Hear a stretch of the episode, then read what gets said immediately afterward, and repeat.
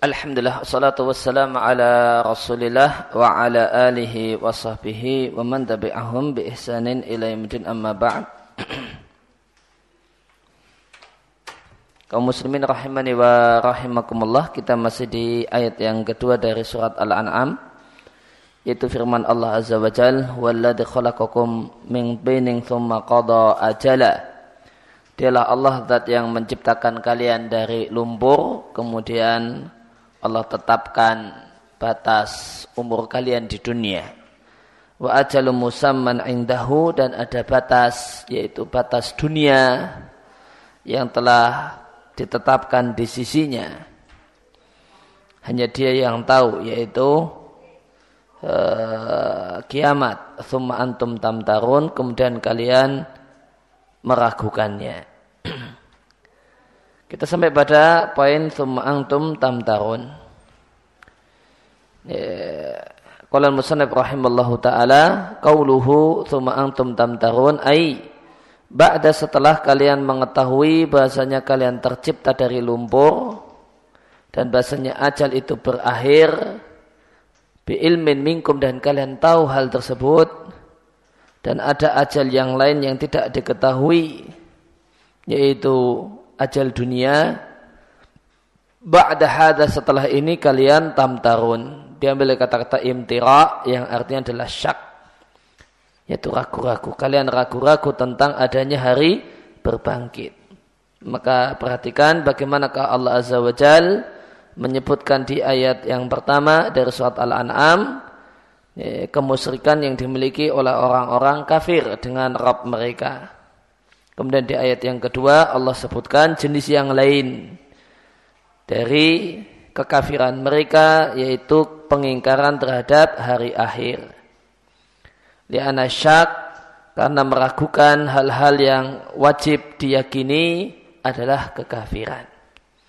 Maka di antara bentuk kekafiran adalah kufur syak. Ya, kekafiran karena ragu-ragu terhadap sesuatu yang harus diyakini semacam adanya hari berbangkit, adanya hari kiamat dan adanya bangkit manusia untuk mempertanggungjawabkan amal.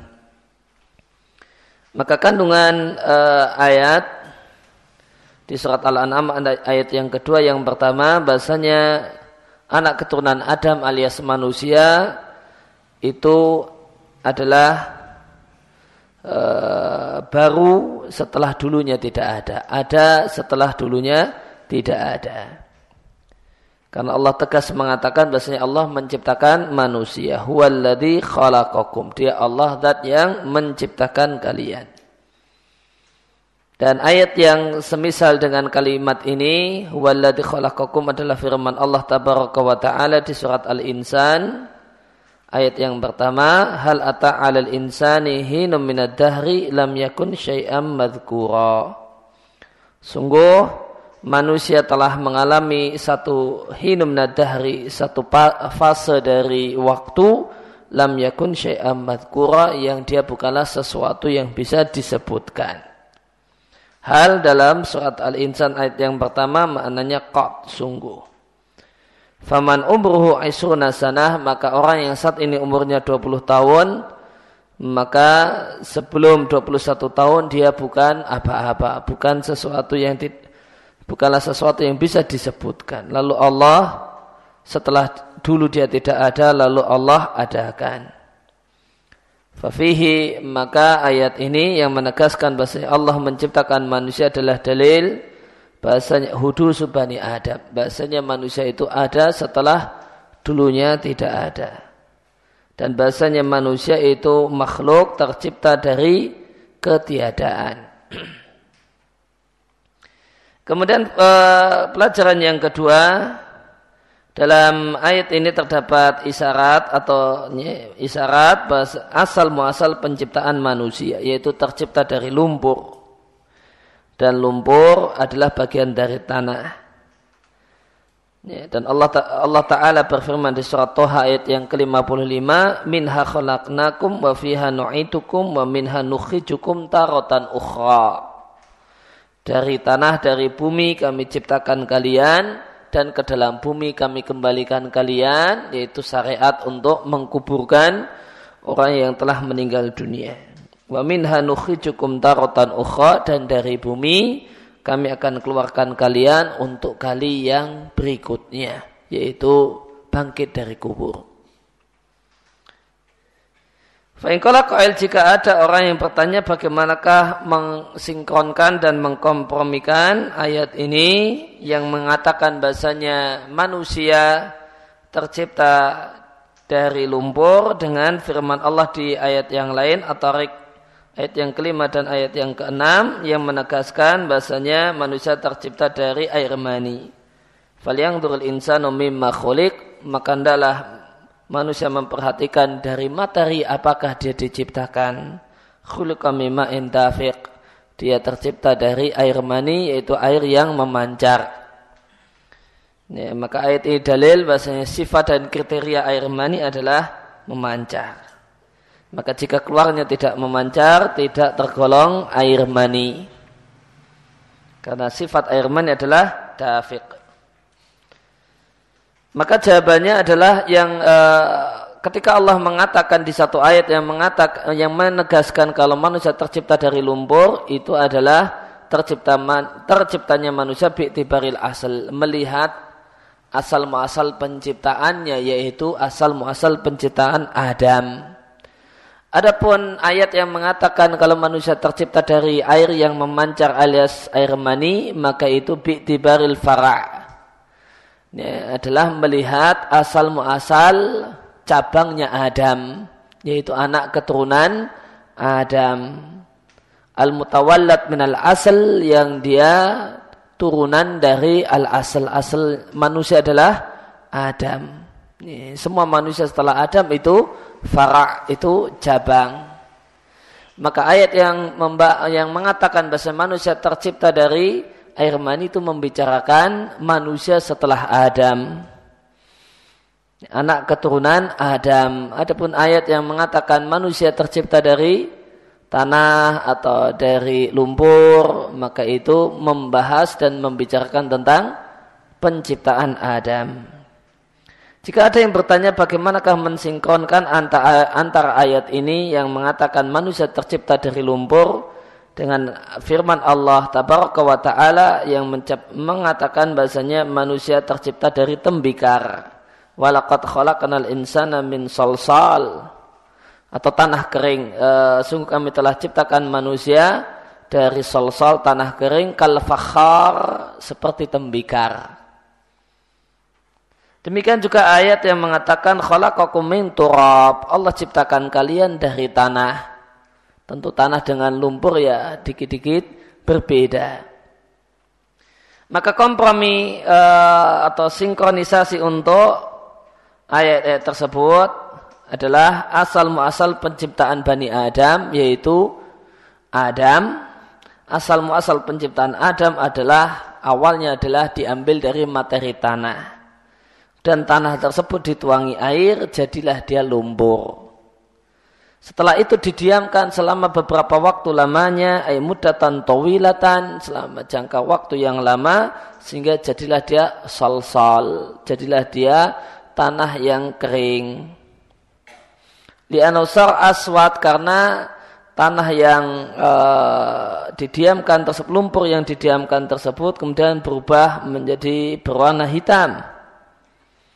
Wa idza sunni'a minhu maka jika uh, lumpur yang telah mengering tadi jadikan dibuat sesuatu secara salsalan maka jadilah dia yang disebut dalam bahasa Arab dengan salsal. Lahu sauton yang punya suara. Ini yang ketika dia jadi ini, misalnya ini bisa diketok-tok ada bunyi suaranya tanah kemudian dibuat gentong misalnya ya, kering, ya, diketok-ketok ada suaranya. Lahu sauton memiliki suara. Artinya jika anda pukul dengan jarimu maka jika dia akan memiliki suara dan ini uh, sehingga pala khilafa wala tidak ada perselisihan antara satu ayat dengan ayat yang lain dan tidak ada kontradiksi karena ayat itu menceritakan proses awalnya diambil dari satu tanah kemudian dituang air jadi lumpur kemudian dibiarkan jadi kering kemudian itu jadi materi dan itulah proses penciptaan Adam. Dan berkaitan dengan masalah tanakot atau pertentangan antara ayat, satu hal yang patut untuk diketahui tidaklah mungkin terjadi kontradiksi antara dua dalil yang qat'i, dua dalil yang pasti, abadan sama sekali. Sehingga seandainya dijumpai ta'arud kontradiktif antara kontradiksi di antara keduanya, maka maka dua-duanya bukalah dalil yang pasti. Di anal qat'i karena yang namanya dalil qat'i dalil yang pasti yakni artinya makna yang lain tidaklah mungkin. Ini makna satu-satunya. Maka tidak mungkin ada ta'arud kontradiksi di antara dua dalil qati abadan sama sekali baik antara ayat Al-Qur'an ataupun hadis. Demikian juga antara Quran dengan hadis. Demikian juga antara dalil akli, akal sehat dengan dalil Quran dan sunnah. Itu tidak mungkin bertentangan. Akal sehat tidak mungkin menentang nas Quran dan Sunnah. Seandainya terjadi pertentangan, boleh jadi yang dianggap akal bukan akal, dan boleh jadi yang dianggap dalil nakli itu bukan dalil nakli karena hadis palsu. Liana Allah tasawarna, karena seandainya kita bayangkan hal ini, hmm, Fa'ahatu maqat'an ghairu sahih. Maka seandainya kita bayangkan adanya pertentangan, maka qat'an jelas salah satunya adalah dalil yang tidak benar. It inna dalil lain karena dua dalil yang sama-sama qat'i maka tidaklah mungkin terjadi di antara keduanya pertentangan. Fanaqidani la yastami'ani wa la yartafi'ani. Karena nakidon itu adalah dua hal yang tidak mungkin kumpul bareng dan tidak mungkin hilang bareng. Labuda min wujudi ahadihima. Harus ada salah satu dari keduanya. Maka dalam bahasa Arab yang namanya pertentangan itu ada yang disebut dengan nakidon, dua hal yang nakid. Dan ada uh, jadi pertentangan saya lupa istilahnya, namun yang namanya pertentangan ada dua macam. Yang pertama pertentangan yang tidak mungkin dua-duanya ada dan tidak mungkin dua-duanya hilang. Harus ada salah satu. Contohnya diam dan bergerak. Itu tidak mungkin. Kumpul, diam sekaligus bergerak. Di detik yang sama dengan sudut pandang yang sama tidak mungkin. Ya, di tempat yang sama, waktunya sama, detiknya sama, tempatnya sama, sudut pandang melihatnya sama, tidak mungkin. Ya, ini, ini dia bergerak sekaligus diam, tidak bisa. Harus ngalah salah satu. Kalau kalau bergerak berarti tidak diam, kalau diam berarti ya, tidak bergerak. Hidup dan mati itu ya, di untuk benda yang sama, di waktu yang sama, tempat yang sama, nah itu tidak mungkin ini hidup sekaligus mati. Ya. Mati sekaligus hidup. Gak bisa. Terus ada salah satunya. Itu nakidon. Namanya dalam bahasa Arab nakidoni. Dua hal yang nakid. Tidak bisa dua-duanya hilang sebagaimana tidak bisa dua-duanya kumpul. Dan ada uh, pertentangan yang ya, ya, uh, bisa dua-duanya hilang. Putih dengan hitam itu bertentangan. Lawan putih adalah hitam, lawan hitam adalah putih. Namun dijumpai benda yang tidak hitam sekaligus tidak putih. Merah malahan. Kan? Nah, ini uh, ada istilah khususnya yang lain. Dan saya pas tidak ingat ini.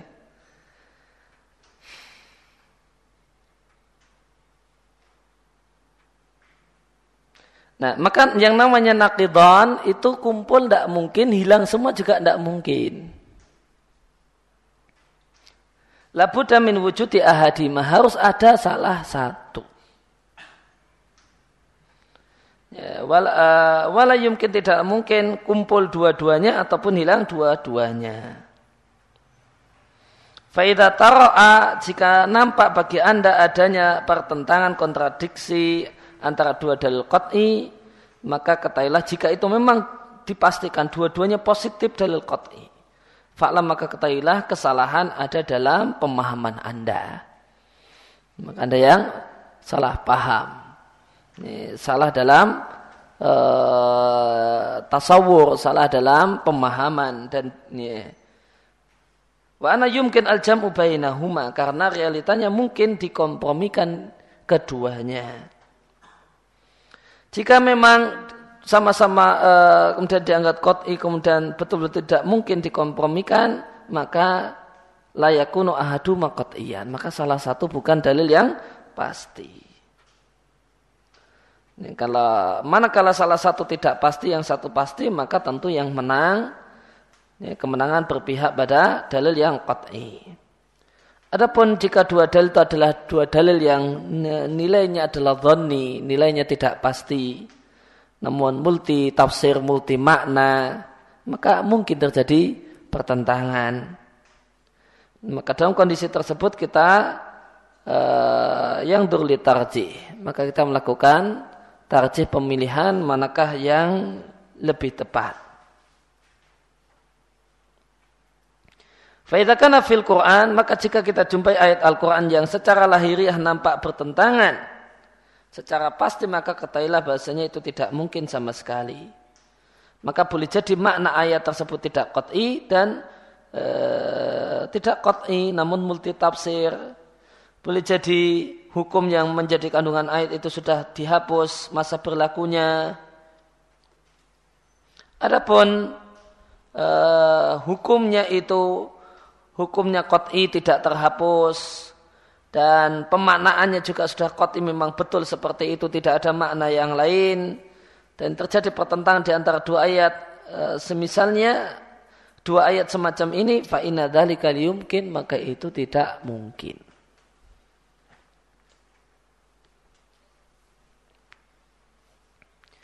Dan semua ayat yang dianggap bertentangan ya, maka para ulama telah menjelaskan kalau itu tidak bertentangan. Dan buku bagus tentang masalah ini adalah uh, tulisan Muhammad Amin Singkiti, penulis Adwaul Bayan.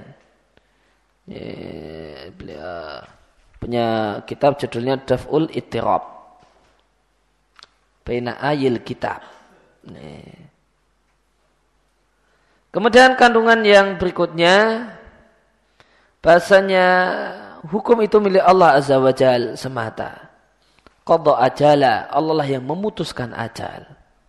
Wa ajal musamman indahu dan ajal itu yang telah disebutkan ajal dunia telah disebutkan di sisinya. Wal ahadun yughayyir fi hadhil ajal, maka tidak ada satupun yang bisa mengubah hukum yang telah dan putusannya Allah putuskan di dalamnya adalah putusan tentang ajal manusia dan ajal dunia.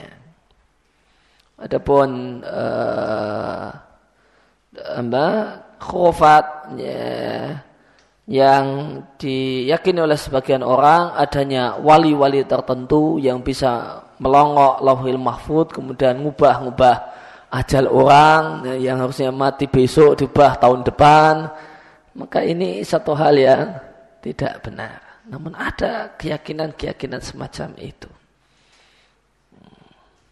Itulah warna-warni dunia ini. Ya. Padahal itu satu hal yang tidak benar. Dan tidak ada. Itu cuma cerita bohong saja. Kemudian uh, poin yang keempat, uh, orang yang mati dibunuh atau karena bunuh diri Fakot mata bi ajali. Maka dia mati bersama ajalnya yang telah Allah tetapkan. Karena Allah subhanahu wa ta'ala yang menetapkannya. Tidaklah mungkin kita katakan seandainya dia tidak dibunuh, dia tidak mati. Tidak mungkin kita katakan seandainya dia tidak bunuh diri, dia tidak mati. Atau mustahil ini satu hal yang mustahil. Karena Allah telah putuskan dia akan mati dengan dibunuh. Allah telah putuskan dia akan mati dengan bunuh diri. Fam maktulun bi ajalin maka dia bunuh atau bunuh diri bersama ajalnya, bertepatan dengan ajalnya. Maka yang Allah takdirkan bukan hanya waktu kematian namun juga sebabnya. Ini mati karena dibunuh, mati karena bunuh diri pada tanggal sekian, jam sekian dan seterusnya.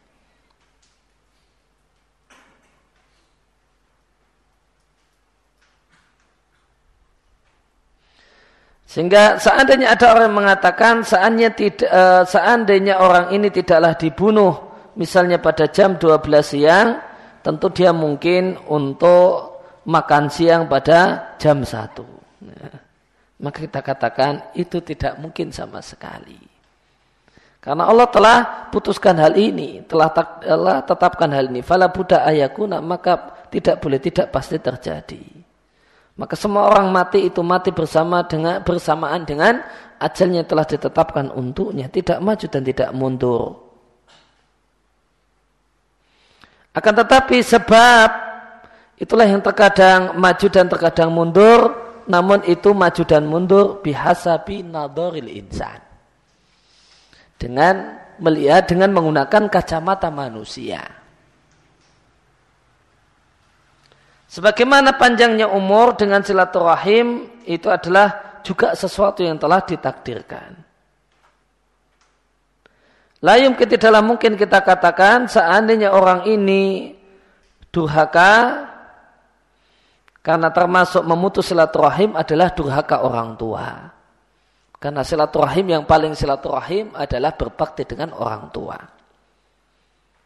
Dan memutus silaturahim yang paling memutus adalah durhaka dengan orang tua. Tidaklah mungkin kita katakan seandainya orang ini akon, orang yang durhaka dengan orang tuanya, niscaya dia mati kebelah ayamuta. Sebelum dia mati seandainya dia menyambung hubungan baik dengan orang tuanya. Hmm. Maka orang yang berbakti umurnya sekian dan tidak mungkin kita berandai-andai, oh, seandainya dia durhaka, mungkin lima tahun yang lewat dia sudah mati. Nah, tidak bisa kita katakan demikian. Lianna nakul karena kita katakan bahasanya Allah telah menakdirkan orang ini menjadi orang yang wasilan. Menjalin hubungan baik dengan keluarganya, dengan orang tuanya, sehingga umurnya ya ta'akhir, sehingga matinya itu belakangan. Qadallahu ajalan wali yumkin ayat akhir. Dan Allah telah tetapkan ajal dan Allah tidaklah mungkin ajal tersebut mundur. Maka yang maju dan e, mundur itu adalah sebab kematian. Nah, maka ada oleh karena itu ada sebab-sebab panjang umur. Dan sebab panjang umur itu ada dua macam, ada sebab konkret. Nih, dan ada sebab abstrak. Sebab konkret panjang umur, ya, ya makan makanan yang sehat, bergizi, ya, tidak merokok. Nah, ini sebab panjang umur, rajin olahraga, ya, menjaga kesehatan. Ini sebab sebab fisik, sebab konkret orang itu panjang umur. Dan ada sebab abstrak orang itu panjang umur. Nabi katakan silaturahim itu sebab panjang umur. Sebagaimana dalam hadis di catatan kaki, man ahaba ayub satolahu fi rizkihi, siapa yang ingin dilapangkan rizkinya, wa nasi'an lahu fi atharihi dan ditunda ajalnya, falyasil rahimahu, maka adalah dia menyambung hubungan kekerabatannya. Diatkan oleh Al-Bukhari dan Muslim. Maka ini sebab abstrak eh, panjangnya umur. Ketika sebagian orang bingung dengan sebab abstrak panjang umur, maka eh, cara mengurai dan cara menjawabnya kita apakah kita tanyakan apakah dia mengingkari sebab konkret panjang umur? Apakah anda mengingkari? Nih, eh, kalau makanan yang sehat itu sebab panjang umur. Apa, rajin olahraga sebab panjang umur. Kemudian tidak berbuat seenaknya namun hati-hati menjaga kesehatan itu sebab panjang umur. Eh, hati-hati berlalu lintas itu sebab panjang umur. itu ingkar apa tidak? Nah, nah, kalau dia uh, tentu dia tidak akan mengingkari. Hati-hati di jalan sebab panjang umur, jaga kesehatan, ya. tidak Eh, mengkonsumsi narkoba, khamar, ya, merokok atau ya, sebab panjang umur. Diingkari ataukah tidak? Untuk kemudian ya jaga fisik baik-baik, tidak kemudian overdosis kelelahan, tidak kemudian apa boleh jadi udah tahu fisiknya nggak kuat, eh, malah nekat hujan-hujanan gitu misalnya. Ya, maka ya, tidak jaga kesehatan itu sebab cepat mati. Nah, Percaya tidak? Tentu percaya. nah jika anda, apakah itu bertentangan dengan takdir? Dia tentu akan mengatakan tidak.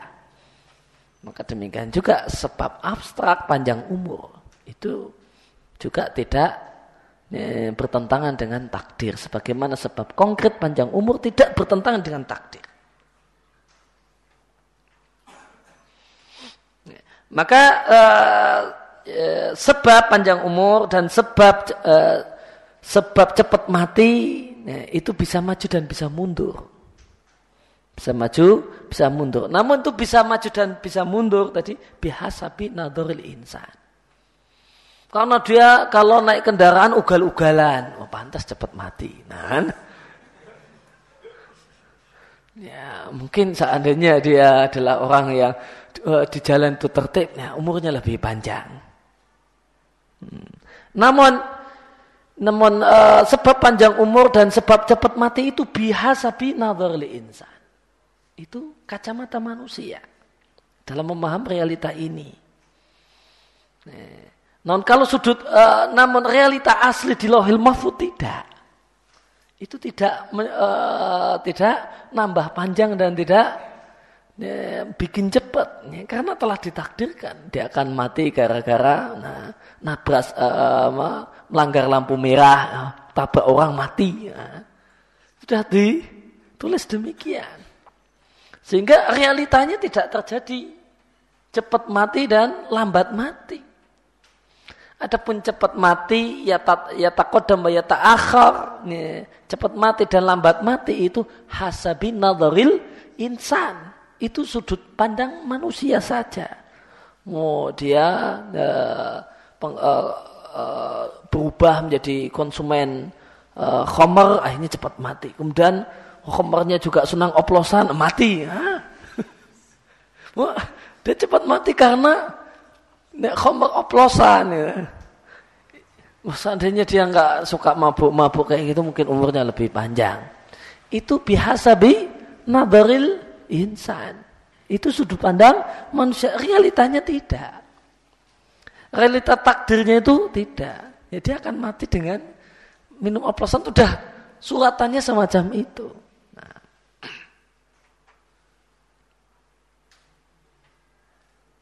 Maka takdir itu, maka ajal itu takut dan akhir.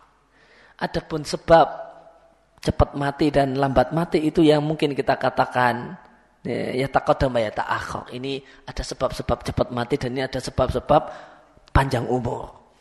Namun itu pun biasa bi nadharil insan. Kemudian uh, poin yang uh, kelima bahasanya ajal yang maklum yaitu kiamat itu ada di sisi Allah Subhanahu wa taala, tidak ada satupun yang bisa punya ilmu tentangnya. Dan ini satu hal yang disepakati oleh kaum muslimin. Sampai-sampai Jibril bertanya kepada Nabi Shallallahu Alaihi Wasallam dan Jibril adalah malaikat yang paling mulia dan Muhammad adalah manusia yang paling mulia tentang kiamat maka jawaban Nabi kita Muhammad Shallallahu Alaihi Wasallam tidaklah yang ditanya lebih tahu daripada yang bertanya. Faidakana hadani rasulani maka jika inilah dua rasul, rasul manusia dan rasul malaikat yang dua-duanya makhluk yang mulia tidak mengetahui kapankah kiamat maka makhluk yang levelnya lebih rendah daripada keduanya mimbabil aula tentu lebih-lebih lagi. Kemudian uh, poin uh, poin yang terakhir anidak seruan bil balaha menyatakan betapa lemahnya akal, betapa dungunya dan betapa lalainya mereka-mereka. Orang-orang yang telah menyadari asal muasal penciptaannya, mansya'atihim penciptaannya, kemudian dia meragukan hari berbangkit. Yashukuna dan meragukan ajal, meragukan uh, ajal dunia yang telah ditetapkan di sisi Allah Subhanahu wa taala itulah terjadinya hari kiamat.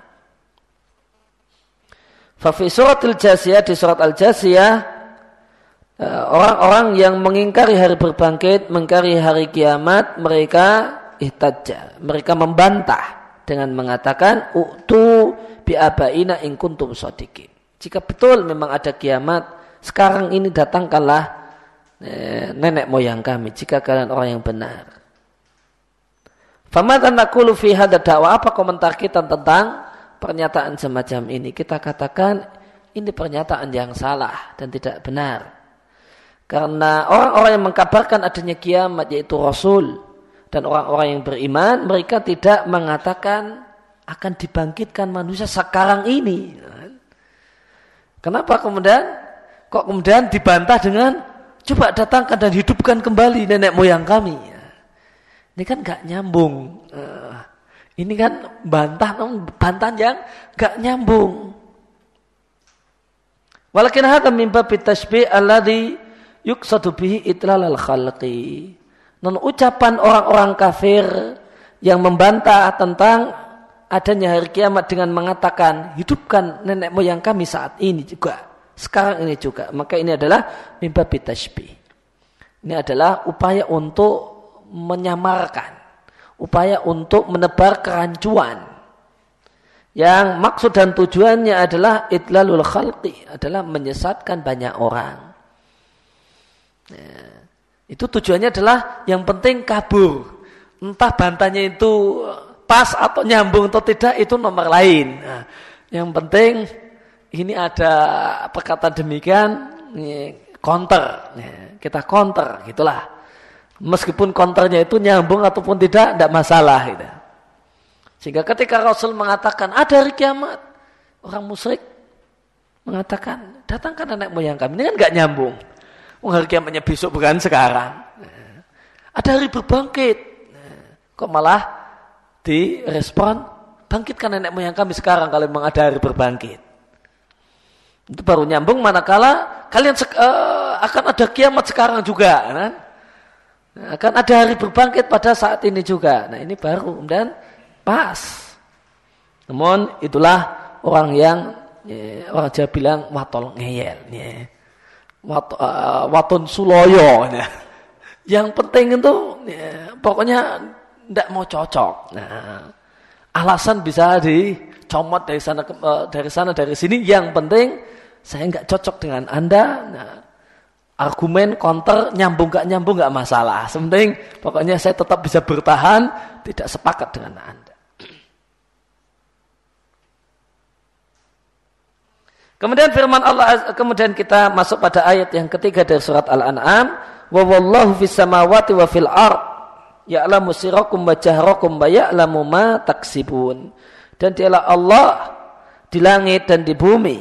Dia mengetahui perkataan kalian yang kalian sembunyikan ataupun perkataan dan ucapan yang terang-terangan. Wa ya'lamu ma taksibun dan dia mengetahui apa semua apa yang kalian usahakan dan kalian lakukan. Tentang Allah, Allah adalah alamun adalah nama untuk Arab sang pencipta dan pemilik jagat raya ini azza wajal. Yang nama ini tidak ada pada eh, selain Allah. Dan ini satu hal yang disepakati oleh kaum muslimin. Dan Allah nama Allah itu mustaq diambil dari kata-kata uluhiyah. Maka Allah aslinya adalah al-ilah. Dan ketahuilah bahasanya semua nama Allah itu mustaq. Memiliki akar kata. Kama huwa zahir sebagaimana satu hal yang jelas.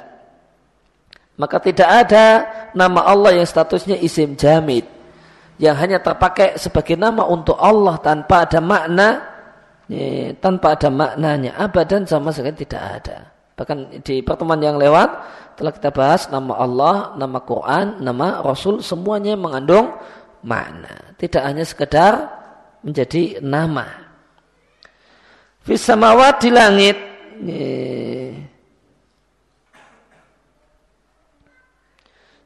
Ini berkaitan dengan isim. Karena karena kita katakan bahasanya Allah itu adalah isim mustaq punya akar kata maka sesuatu yang memiliki akar kata maka bisa e, jer dan majrur itu dikaitkan dengannya sebagaimana perkataan penulis Qaidul I'rab labu dalil jari minat ta'alluq yang namanya jer dan majrur harus punya kaitan sambungan kaitannya bi fi'lin fi'il au maknahu atau yang semakna dengan fi'il. Nahwu contoh yang semakna dengan fi'il adalah murtaqi, orang yang naik isim fa'il. Maka fisamawat muta'alliqatun ini jar majurnya berkaitan dengan lafzul jalalah yaitu Allah. Karena lafzul jalalah itu mustaq punya akar kata. Dan mustaq itu boleh menjadi kaitan jar dan majrur. Walakin ma makna qaulihi ta'ala. Namun apa makna dari fis samawat? Allah itu fis samawat. Maka Allah itu fis samawat maknanya adalah alas samawat. Di atasnya langit. Bukan di dalam langit.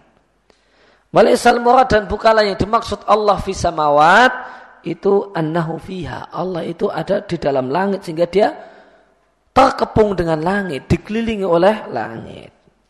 Ini satu hal yang mustahil karena Allah itu lebih besar dari segala sesuatu.